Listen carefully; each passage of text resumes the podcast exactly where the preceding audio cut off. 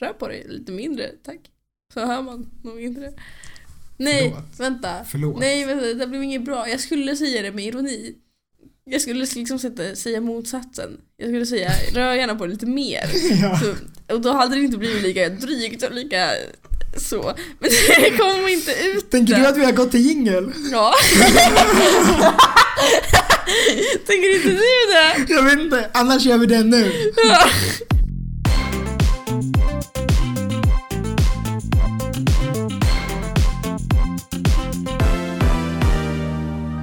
Hej hej!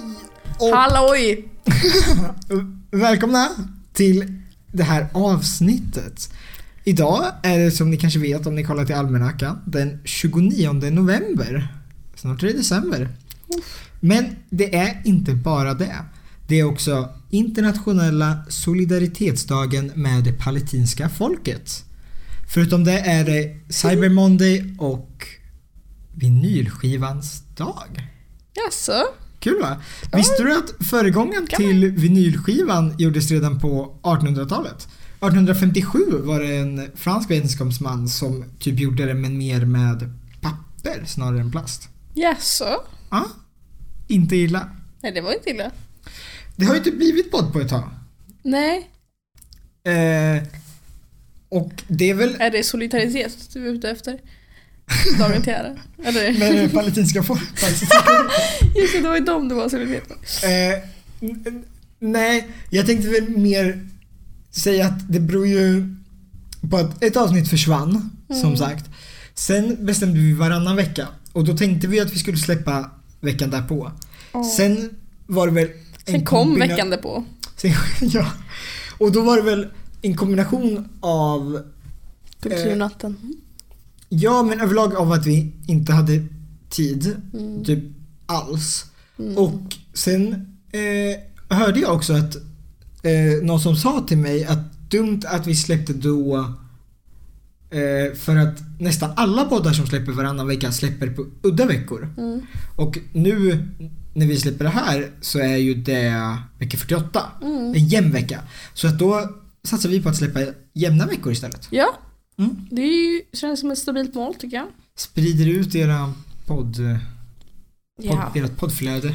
precis. Ja, nej men förra veckan, jag tror jag hade dansträning varje kväll. Mm. Förutom måndagen då jag hade teater inplanerat. Mm. Eh, det var inte optimalt med podd då. Sen åkte jag, när åkte jag till Stockholm? Mm. Men det var ju Det var innan. Det var tidigare. Det var första gången. Ja, så att eh, det blir ju som det blir det här va. Men eh, ja, Ska vi också nämna det innan vi börjar att det här är inte, kommer nog inte vara ett så katastrofavsnitt. Men vi har eh, haft specialvecka i skolan så att det har varit Mm. intensivt. Det har också varit fullt upp på eftermiddagar flera av dem. Så att eh, vi hade ju för fan precis premiär.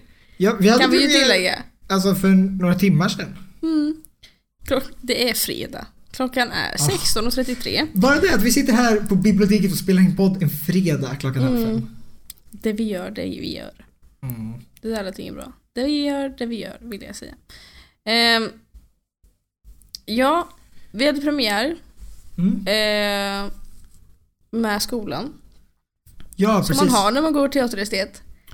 Ja, vi har, vi har upplagt så att i tvåan gör vi en produktion per termin.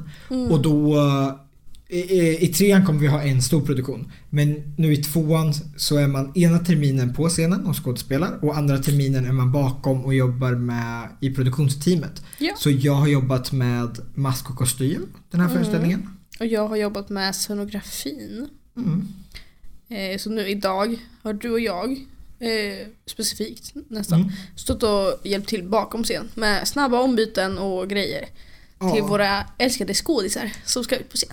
Ja, det har varit väldigt roligt både att jobba och idag. Även om det har varit mycket tröttsamt. Vi, när alla har varit nervösa och stressade och grejer så har vi alla börjat gå runt och prata på skånska.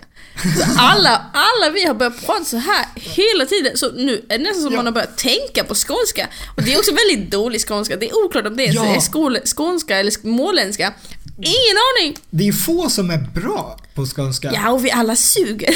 Verkligen. Ja, alltså det är inte Eh. bra, men det är kul. Mm. Får du den någon gång annars att du typ så här. Eh, det har hänt mig ibland när jag läser en bok. Att jag plötsligt läser jag den och då hör jag någon på en annan dialekt som läser upp den för mig. Nej, så brukar inte jag Nej, tänka. okej. Jag minns det hände så här. Frågan om det var Harry Potter jag läste om. Och så hade jag lyssnat precis, jag tror att det var när jag ganska nyss upptäckt Så funkar podden. Mm. Som låg på P1 som nu heter Fråga Anders Måns. Med Anders Ankan Johansson och Måns Nilsson. Ehm, och då hörde jag Anders Johanssons röst och hans östgötska som läste. Vad och härligt. det var liksom så här.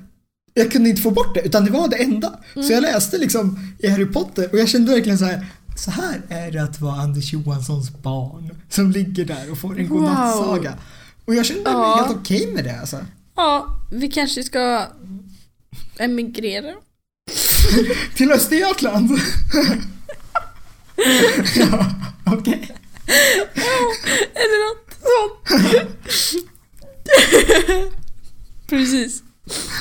Eh, Skicka in till vilket landskap vill du emigrera? är det kanske Skåne? ja, det tror jag i alla fall. Eh, ja, eh, så att, så att vi mår. Ja, alltså. Vi kan ju liksom inte ursäkta varje avsnitt med att det är ett dåligt avsnitt för då kan man inte ha en podd liksom. Nej exakt. Eh, så det, men har jag tror precis- ändå på det här men jag är lite trött. Vi Ja. åt precis semlor. Kan vi Ah, ja, du hade alltså bakat semlor till hela gruppen. Alltså stor, Ja. stor eloge. Tack. Det Fantastiskt var mysigt det. tyckte jag. Det kommer från ett internskämt. Vi har eh, två karaktärer som heter Selma. Huvudkaraktären. Som är två. Ja. Eh, och då har det varit svårt, och, svårt att säga. Så framförallt skådespelargruppen har sagt semlorna. Mm. När man ska säga Selma i plural. Selmor. Speciellt semlor. från våran teaterlärare. Som, ja, det är svårt. Ja. När man säger det väldigt ofta. Också när man är engelsk från början. Mm. Ja. Då... Blir det problematiskt. Selma. Ja, Ja. Det är skumt. För jag hörde henne idag. Hon hade helt gett upp. Hon bara semlorna. Ja, Alltså, hon ja, sa ja. det liksom rakt och tydligt. Det var liksom Ja. inget. Och sen när hon hade sagt det så var det liksom inte som att hon reagerade på att hon hade sagt fel utan hon visste vad hon skulle säga. Ja, ja, men jag tror att hon, hon bara accepterat. Hon Ja. kör på semlor. Och det funkar ganska bra. Ja, vi rullar. Och det är ju också bra för att det Mm. bidrog ju till att du bakar semlor. Ja, jag tror att det här är Ja, mer av sin. Jag tror att det här är mer av ett internskämt bland skådespelargruppen som inte vi riktigt förstår. Mm. Men jag bakade ändå semlor. Ja, ja, alltså vi är gärna med och Alltså vi äter och ser glada ut. ja. Ja, men precis. Eh, du, jag heter Jolin. Vad heter du? Eh, Hugo? Vad härligt. Ska vi ta en jingel på det? Ska vi köra en jingel? Komma igång med avsnittet? Ja. ja men absolut.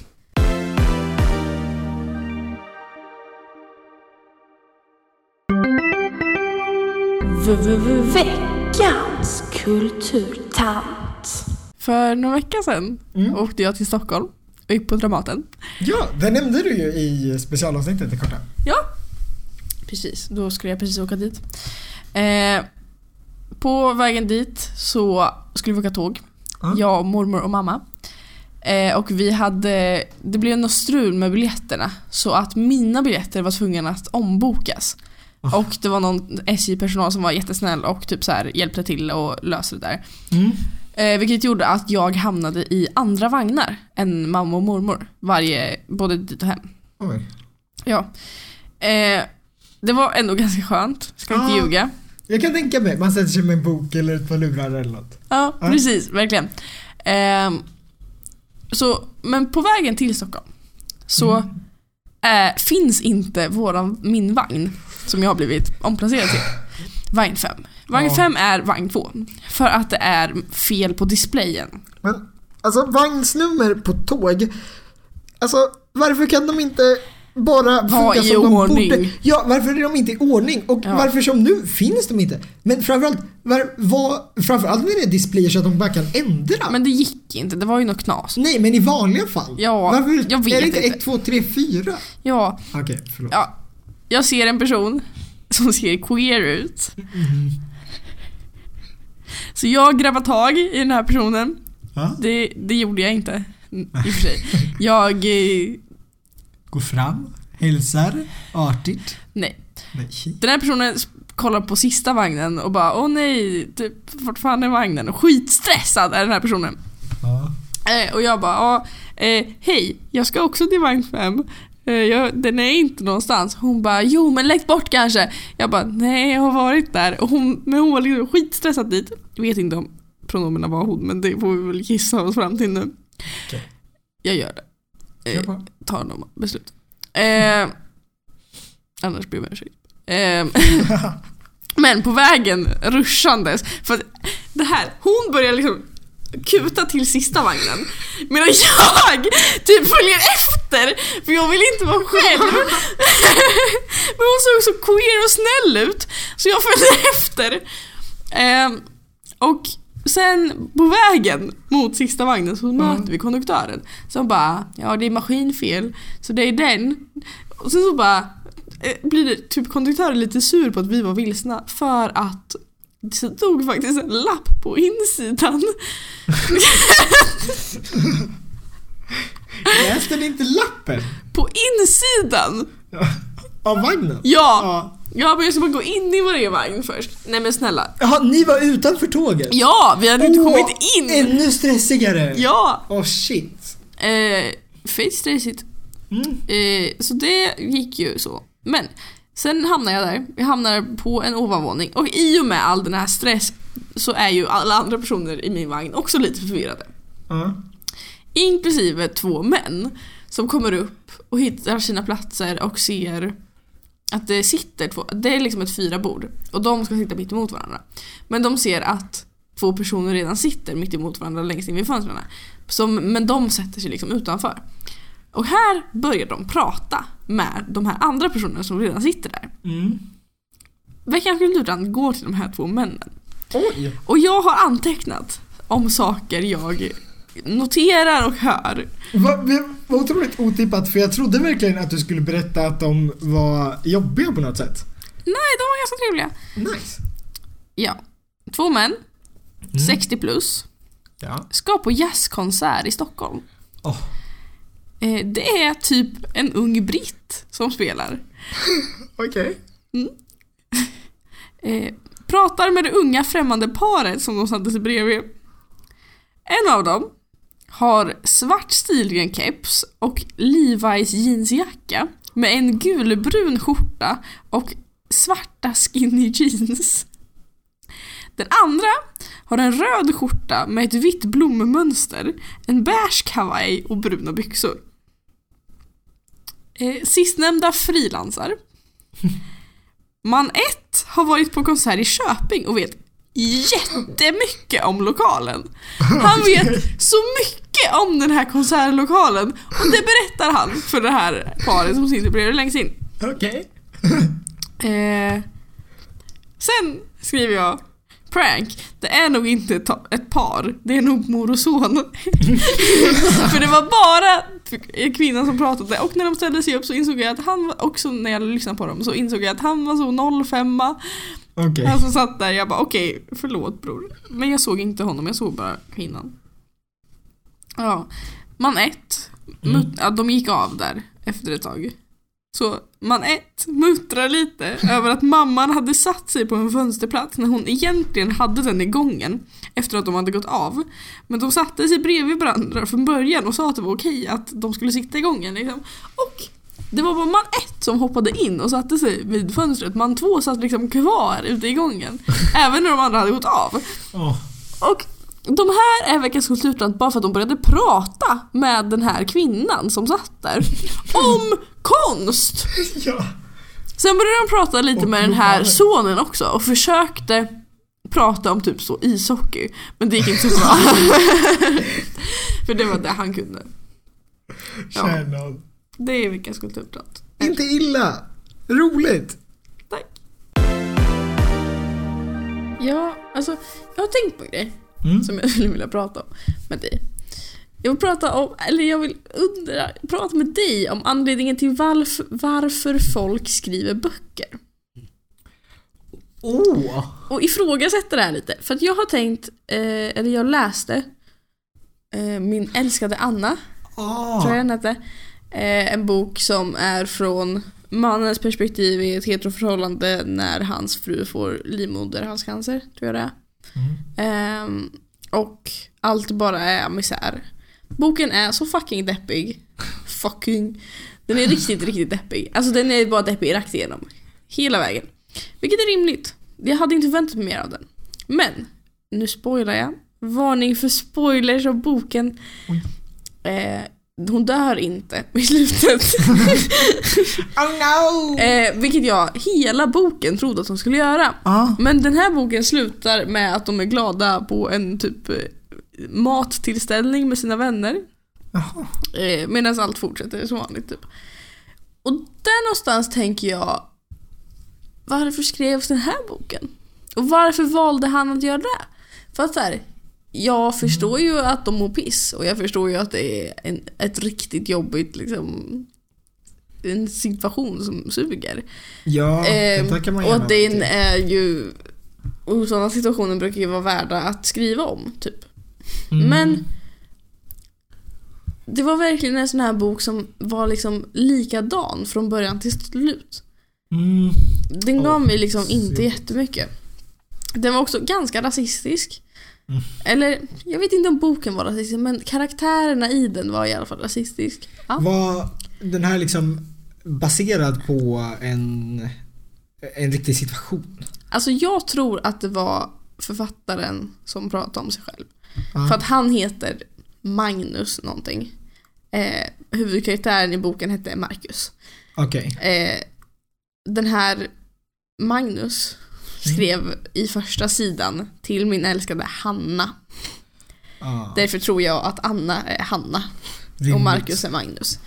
Eh, vilt gissat. Ja. Eh, det är kul för att genom hela den här boken så läser Marcus Stalingrad. Mhm. Det var hans bokval. Okej. Och tyck, han tycker att den är skitintressant. Ja, liksom. så. Sure, kan man ju tycka. Men det känns ju spontant inte jättekul. Eh, han, eh, han har massa kompisar. Mm. Eh, och även han själv som är så otaggade på adoption. Och det är så här från den andra världen typ. Mm. Benämner man. Vad är det de benämner med det? Så typ så här, från den andra världen är typ så här. Jaha, om du adopterar någon som förmodligen typ ja, antingen är svart eller typ asiat. Jag Men- tror att det är där de syftar på hela tiden. Och det är så här, hela tiden hans kompisar är så, ja, ja, man hade ju inte velat ha någon som inte såg ut som sig själv. Aha. Men, men du är Så- ju ändå en prick som skulle passa för det, eller hur Marcus? Men, Jag kan aha. ändå se dig med, med ett svart barn, typ. Men vad tråkigt för att alltså det finns ju många skäl till att problematisera adoption från andra länder. Mm. I liksom att det ofta är mer människohandel, liknande förhållanden. Det var liksom inte en komplex Nej, eh, problematisering. nej exakt det känns ju som din beskrivning att det är mer Nej nej, det var Man enbart hur han skulle se ut som Ja. person om han adopterade. Ja, Och det är så här, hela tiden var typ så här hans vita man-ångest över att Mm. adoptera ett barn. För att han typ så här, ändå behövde ha ett barn.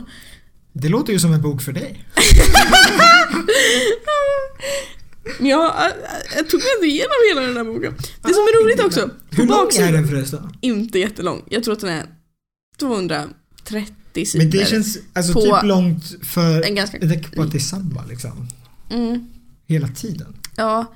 Eh, den, på baksidan står det också att den så här, ett, under ett, en period följde med Amelia-tidningen. Vilket är också ett intressant val. Eh, för att Amelia-tidningen är ju verkligen en tanttidning. Ja. Ja, ja men det är väl kul att få perspektiv eller något. Ehm, och jag förstår att jag kanske inte är målgruppen för den här boken. Jag kan förstå det. Mm. Men ändå, jag förstår inte konsten bakom det. Och därför, jag, här någonstans undrar jag varför valde han att skriva boken? Ja, eh, alltså det känns ju som... Det är svårt också att när man inte vet något, någonting överhuvudtaget om honom. Nu ska jag googla på ifall han har skrivit andra böcker. Mm, gör det. Eh, under tiden spekulerar jag lite fritt. För att det känns ju som...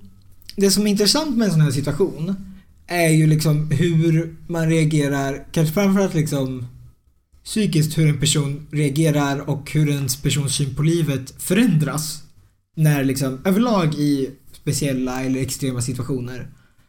Eh, och då är väl det här en, alltså en, verkligen en sån situation. Jag vet, jag har läst, jag tror vi fick läsa i typ, eh, om det var i mellanstadiet vi läste någon bok från perspektivet av ett barn, eller om det var en tonåring mer, vars mamma hade cancer.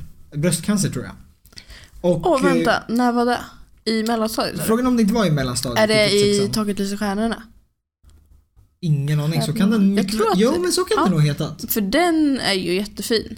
Eh, men det är ju också alltså, en känd Aha, grej. okej. Den är gjord i film och den är ganska känd. Så pass.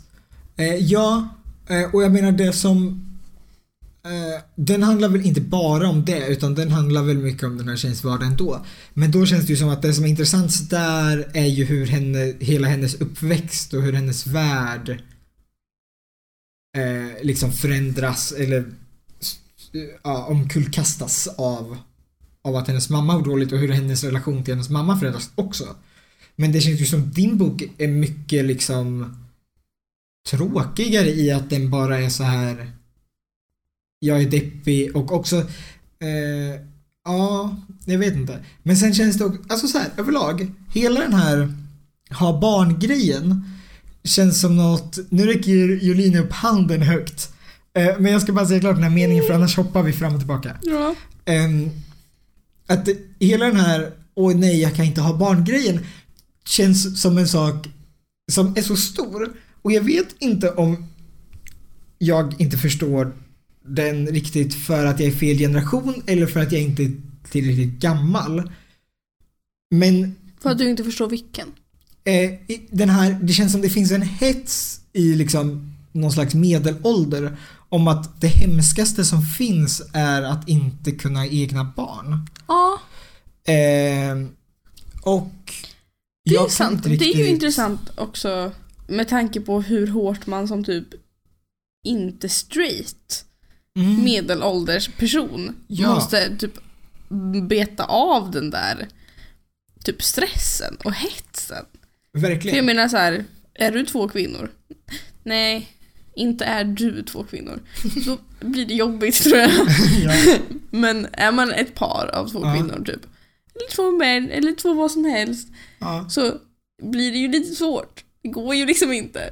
Nej, då får man ju lösa det på något sätt. Ja, och då kommer ens annan medelålders kompisar där och bara nej, nej, nej, nej, liksom. Ja, Ja, det jag sa nu lät inte bra, fortsätt du. nej men alltså det är väl jätterimligt. Eh, och jag är lite så här, vad beror det på? Det känns som till viss del beror det väl på att vi ser, och den ska vi dra in, vi gillar ju att dra in ett genusperspektiv.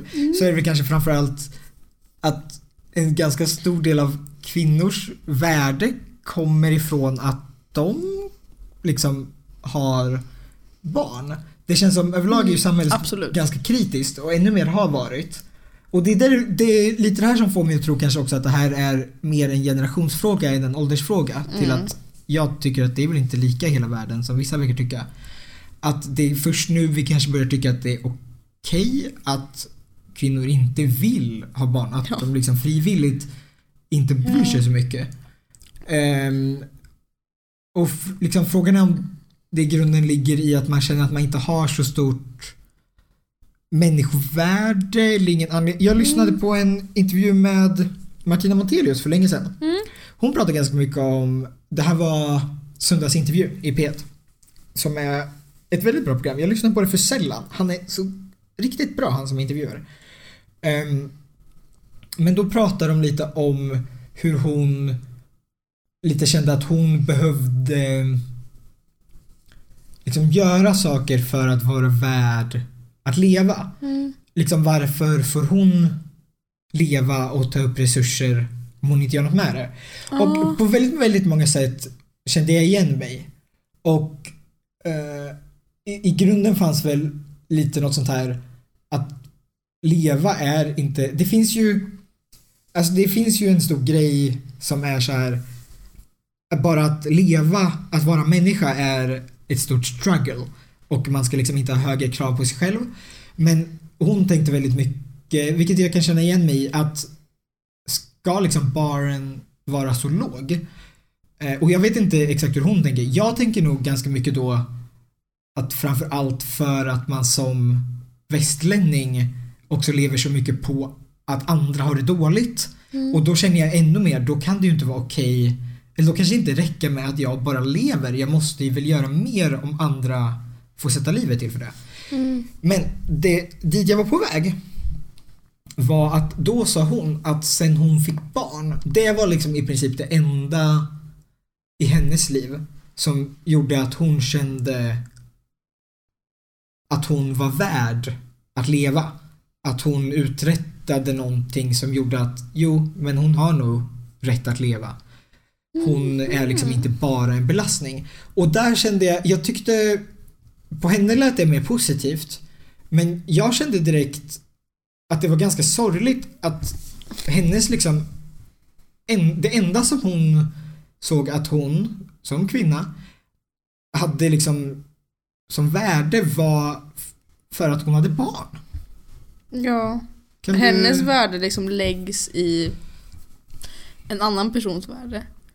Ja, men i att hon reproducerar. Ja. Att liksom, hon har ju gjort jättemycket. Hon har skrivit böcker, hon har skrivit pjäser. Eh, och sen, det är ju, alltså, men det är först när hon lyckas genom att skapa en familj. Eller liksom genom att få fina barn. Det är liksom då hon på något sätt Mm. Ja. liksom får, får existera. Innan det så har hon inte gjort tillräckligt. Ja, men är det det som drar folk?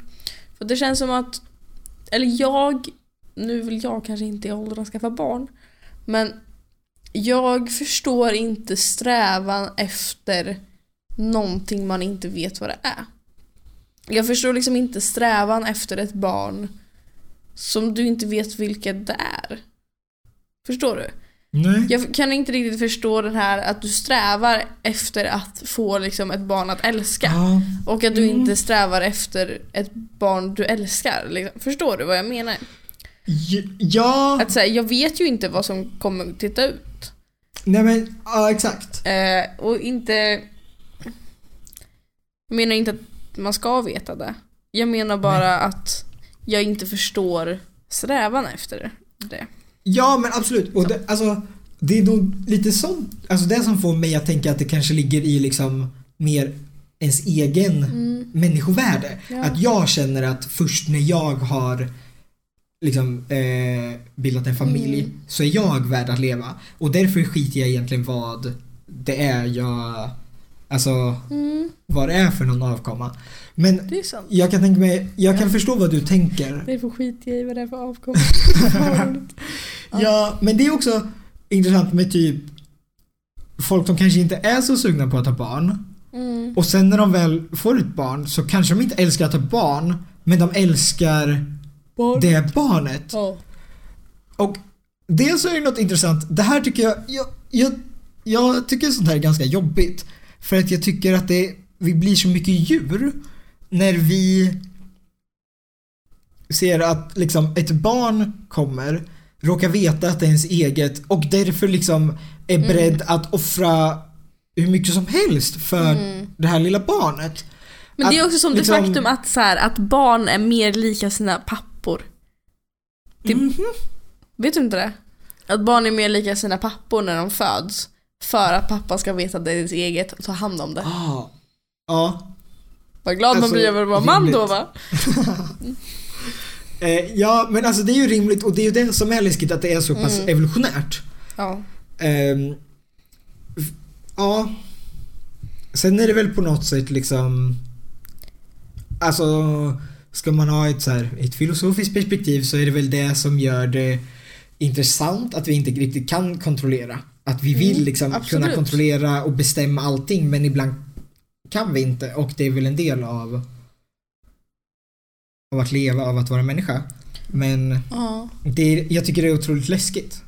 Ja, precis. Jag håller med om det du sa tror jag. För jag pratar mer om varför jag räckte upp handen.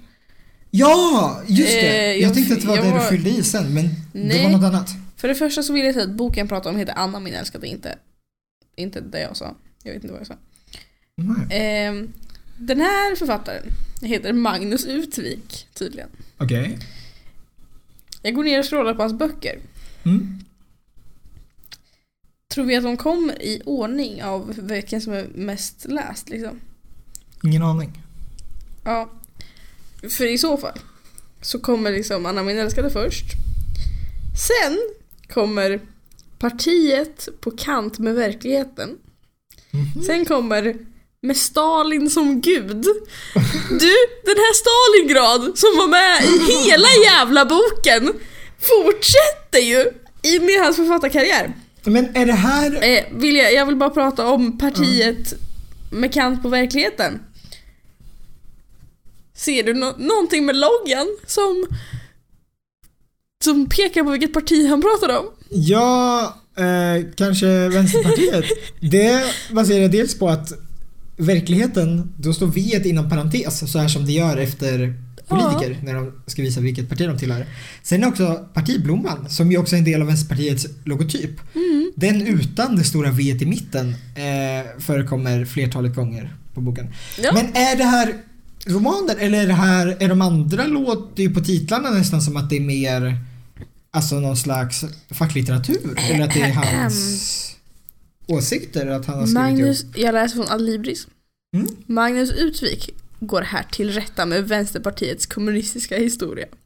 Han kritiserar partiet för dess långa historia med koppling till Sovjet och de östeuropeiska länderna inom Sovjetblocket. Ja. Utvik menar att partiet i Sverige har varit allt för styr, har varit allt för styrt och okritiskt Nej, alltså det går inte nu. Och okritiskt till både sin egen och den internationella kommunismens historia. Har han fått det här av att läsa Stalingrad, tro? Där har man genomgående stött de diktatoriska regimerna snarare än folkets kamp för demokrati. Mm. Mm. Särskilt uppehåller sig Utvik vid relationen till solidaritet i Polen. Attans. Solidaritet i Polen, det var inte den dagen jag tänkte på det. Och, och Chartarrörelsen i Tjeckoslovakien. Oj. Tjeckoslovakien, säger man så? Men eh, man gjorde väl Ja, men det här, när det var ett land? det här var 2018. Ja men jag menar var det inte... Ja, ah, du menar i boken. Rimligt. Han ger en mängd talande exempel på hur det svenska partiet nästan undantagslöst ställt, ställt på förtryckarnas sida mot de folkliga kraven på frihet allt i en utopisk och blind dröm som blev en dyster paradox. Utvik skriver utifrån egen politisk historia. Men hallå, ska vi inte ha marknadshyror? Vad är det för inskränkning på vår frihet? Här står det lite om honom. råd att bo någonstans? Här står det lite om honom. Magnus Utvik är journalist och författare, välkänd för att under många år ha presenterat böcker på ett pedagogiskt sätt i morgonsoffa på TV. Han är bosatt i Stockholm. Men där sitter han i morgonsoffan och så här, på ett pedagogiskt sätt berättar om böckerna. Jag vet inte. Men vad innebär ett pedagogiskt sätt? Eller vänta, vänta. Alltså, jag, någon som sitter i en morgonsoffa och berättar om en bok. Bara, alltså utan att klassas som pedagogisk. Berättar väl så att folk förstår. Det är ju inte så att det är på någon så här superlitteraturkonst. Du måste ha läst eh, alltså massa timmar högskolepoäng för att förstå vad de ens säger för ord. Hur har han då gjort det pedagogiskt? Men vill du höra om hans andra bok? Vilken? Med Stalin som gud. Ja. Ehm, tre tonår i en kommunistisk sekt. Där har han varit. Har han varit det? Ja! Nu läser jag från bok så här faktiskt. Gör det? Magnus Utvik är 17 år när han har, i början av 80-talet utesluts ur VPKs ungdomsförbund, Kommunistisk, un- kommunistisk ungdom, efter att ha fraktionerat. Vi ska ju också, vi kan tillägga, VPK är ju eh, alltså Vänsterpartiet. Deras Mm. förra namn. För de som inte, jag kan tänka mig att det är någon som har missat det. Ja. Och det är ju relevant med tanke på förra boken. Efter att han har fraktionerat med ett annat parti, KPS, kommunistiska partiet i Sverige. Mm. Är ett renlägrigt mar- mar- Jag har väldigt stora problem med att uttala o- den här ordet på M som innehåller ett X. Som är Marx. Marx. Ah, marxism. Marxist. Mm. Marxist-leniskt parti. Som upphöjt, till, upphöjt Stalin till gud och Albanien som sitt himmelrike. ja. Eh, vad är det som lockar och får den tonårige Magnus att söka sig bort från vännerna i KU till en sektliknande gruppering som inte väjer, väjer för att bruka väpnat våld och införa sina idéer som sätter pa- partiet före allt annat. Ja, det kan man ju undra. Ja. Ehm, med Stalin som gud är en stark personlig berättelse med drama om sökandet efter en sorts auktoritär makt med svar på allt. Men som till, enbart, till slut enbart leder till tvivel, tunga grubb, grubblerier och katastrof. Det är en självbiografisk dokumentär tror jag Oj. de beskriver det som. Mhm. Ehm, intressant tycker jag. Oj! 2010 mottog han Svenska kyrkans kulturstipendium för den Va? här boken. Men, alltså jag undrar så mycket den här Vänta, boken. jag förstår inte vad han vill. Vem är, vad vill han? ja. Jag förstår inte! Tillbaka till grundfrågan, varför skriver man en bok? Varför skriver han en bok? Varför skrev han en bok om sin fru som hade cancer? Ja, mitt i. Men jag, alltså jag är, va- alltså den här sista boken med Stalin som gud, eller Nej vad vänta, den? vänta. Jaha. när han skriver, och jag antar att han skriver om sig själv. Nu Mm. sätter jag på mig en tröja, det här är nog inte så bra i poddformat. Nej. Kommer jag på efter ett tag. Jag är ute nu. Ehm, Välkommen. tack. När han skrev Mm. så föreställde jag mig honom verkligen som en mysig typ. Med lite rasistiska kompisar. Alltså, åh, du lät, ja, eh, Nej, vad lät jag som? du lät så mycket så här. liksom, man kan ju vara snäll även om man är rasist. Nej! Jag är inte rasist, men Nej, men så här. ja. Med undanseende för att han är liksom en vit rasistman. ja men som, Så kändes han ändå lite mysig. framförallt kanske som att han så här lite, Ja, lite Eh, mesig och säger inte ifrån, tänker jag. Aha, jag tänkte, men jag har ju inte läst boken, men lite som att han så här hans rasism kommer från, alltså det är, han är den generationen. Eller ja, liksom, men det är också absolut. För att jag menar, hans rasism Mm, är ju typ ganska lindrig jämfört med hans kompisars rasism. Okej. Jag vet inte riktigt. Det känns som att man kan beskriva det så kanske, men eh, för att så här, hans grej var typ att ja, jobbigt att adoptera ett barn för att barnet inte kommer se ut som jag och mina vänner kommer döma mig. Mm. Den var typ där han låg. Eh, men de här vännerna Ja. är ju typ verkligen de som kommer döma också. För de, men de så här väver ju in det i ett så här. Jag tror verkligen att det kan vara någonting för dig faktiskt. För du, du är ju lite så här speciell. Lite så, Ja. typ. Ja. Men, ja. Mm. Som när släkten till mig frågade ifall jag var mångfaldig. jag tror hon undrade ifall jag var typ queer eller inte. Eller något liknande. Mångfaldig. Det är ganska roligt. Det är Jag bara tittar på henne och bara Vad menar du? Hon bara Ja, är du sådär mångfaldig? Jag bara Jo. Jag bara jo, eller va? Hon bara ja men gillar du så här HBTQ och så här. Alla olika personer. jag var så bara, Ja, det, det gör jag väl. Och så, ah, det visste jag! Du var mångfaldig! Ja, tyckte hon att jag var minsann.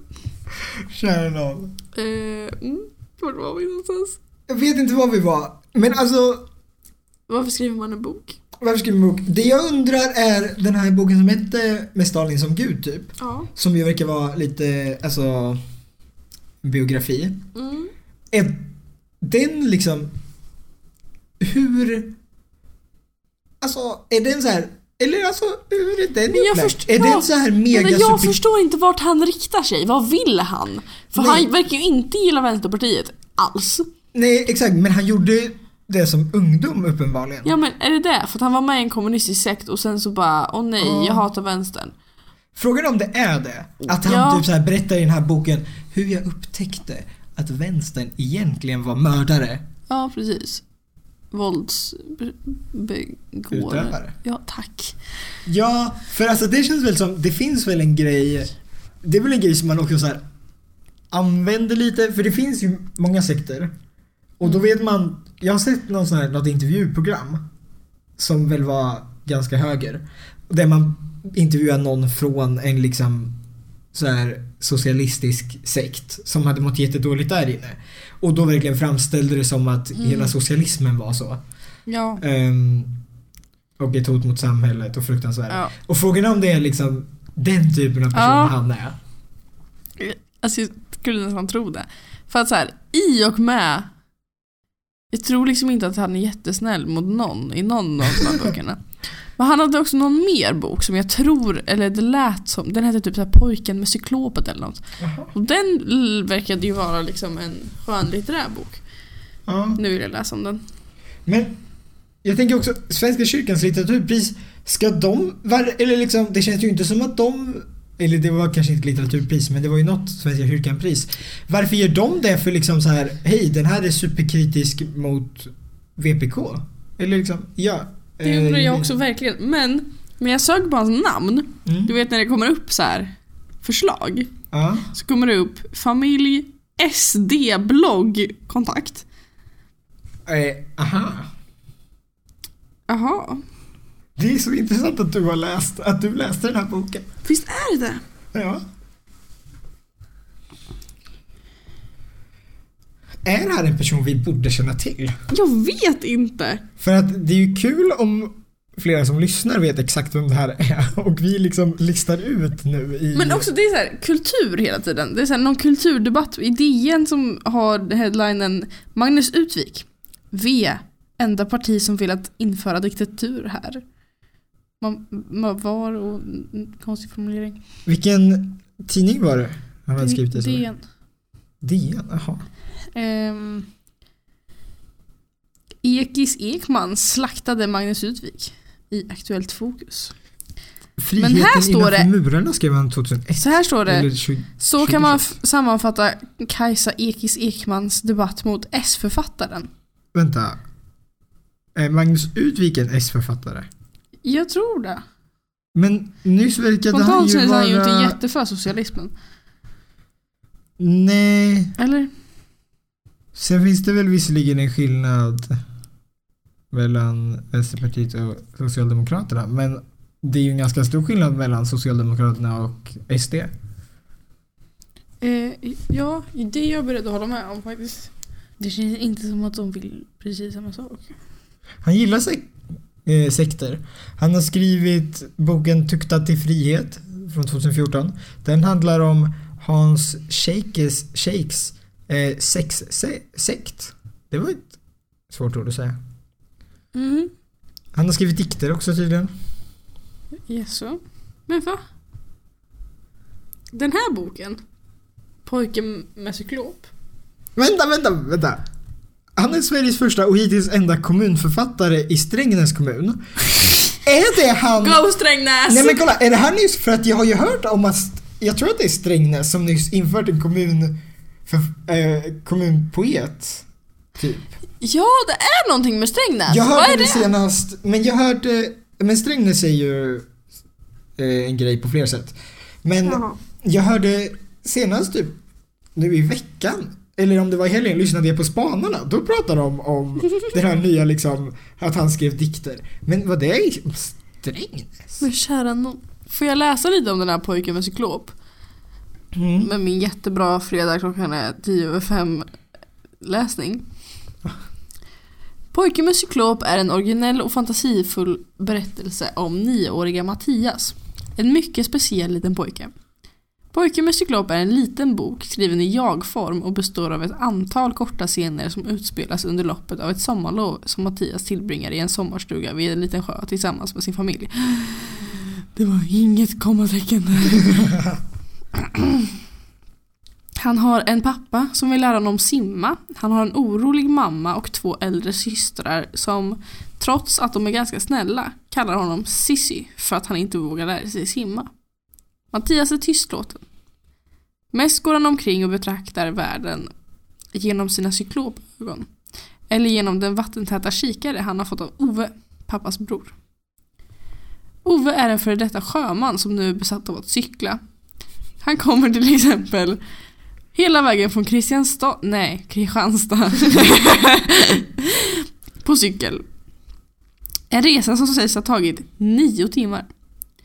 Ove är också tystlåten och Mattias älskar honom. Den här sommaren blev Ove sjuk och dör. Pojken med cyklop är en suggest... Su, su, su, suggestiv. Hur säger man? Suggestiv? Ja, så. Nej, vad säger man? Suggestiv.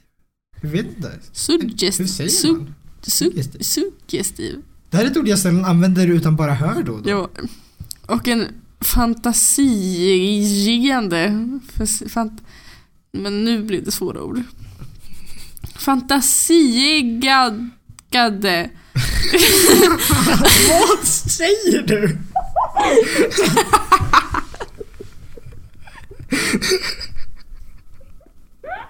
Hallå? Jättesvåra ord på rad!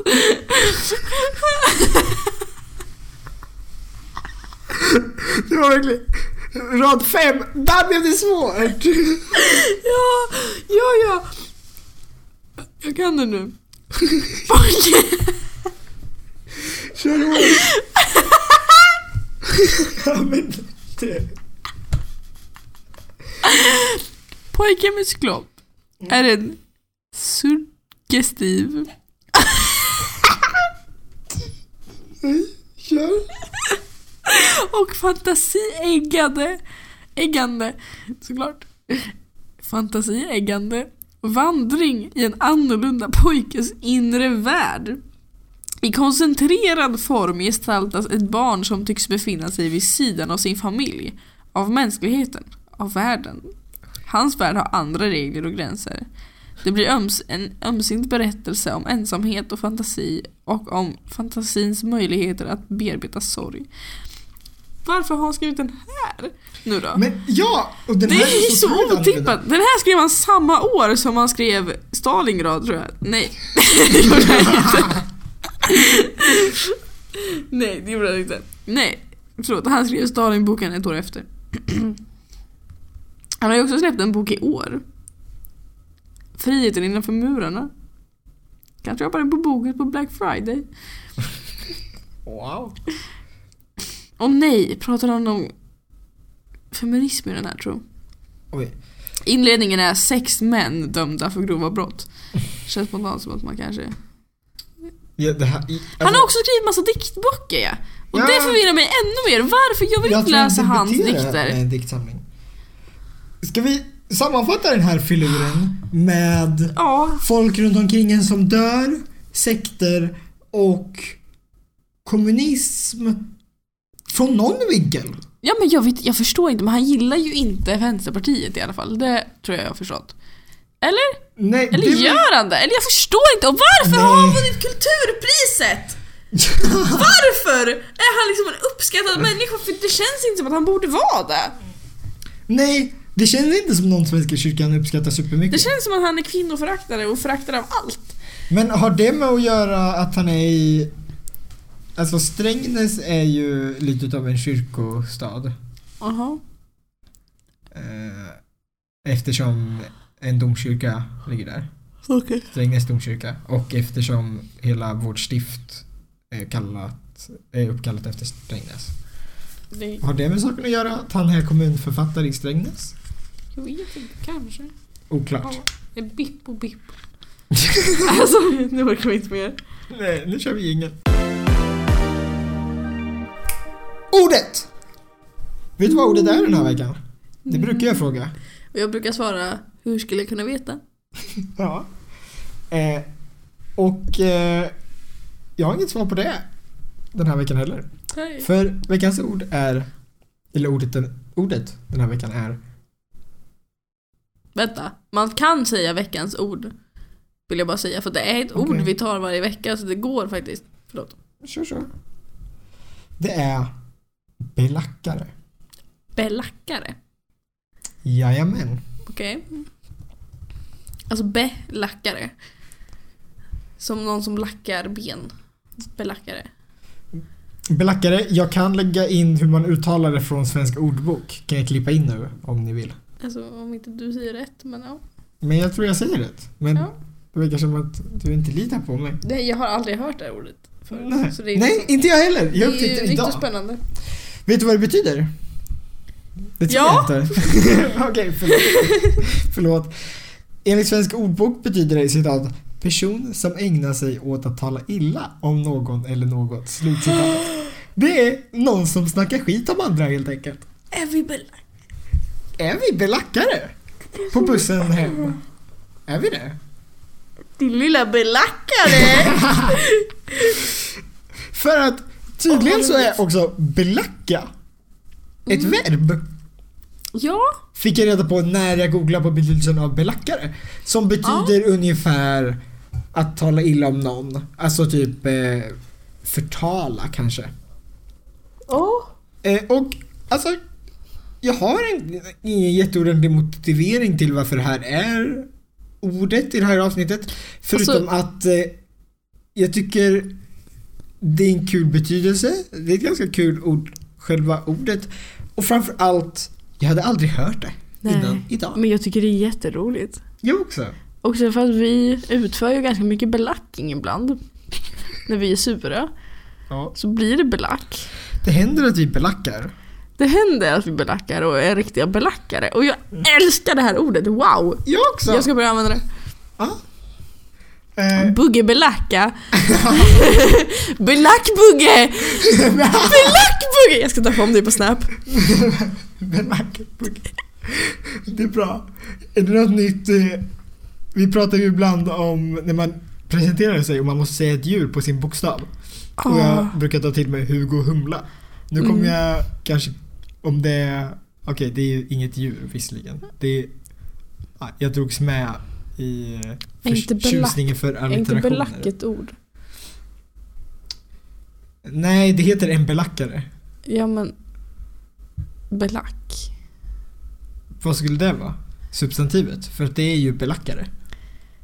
Ja men vill ju, jag vill ju säga belackbugge. Belack, belackarbugge? Belackarebugge känns ju inte lika kul. Nej. Jag får sant, nog nöja mig med ett icke-ord. Åh nej. Men ja, belack borde ju finnas. Alltså som substantivet att.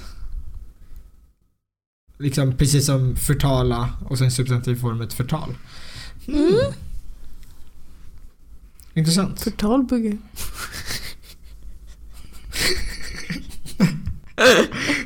Det får bli förtalbugg.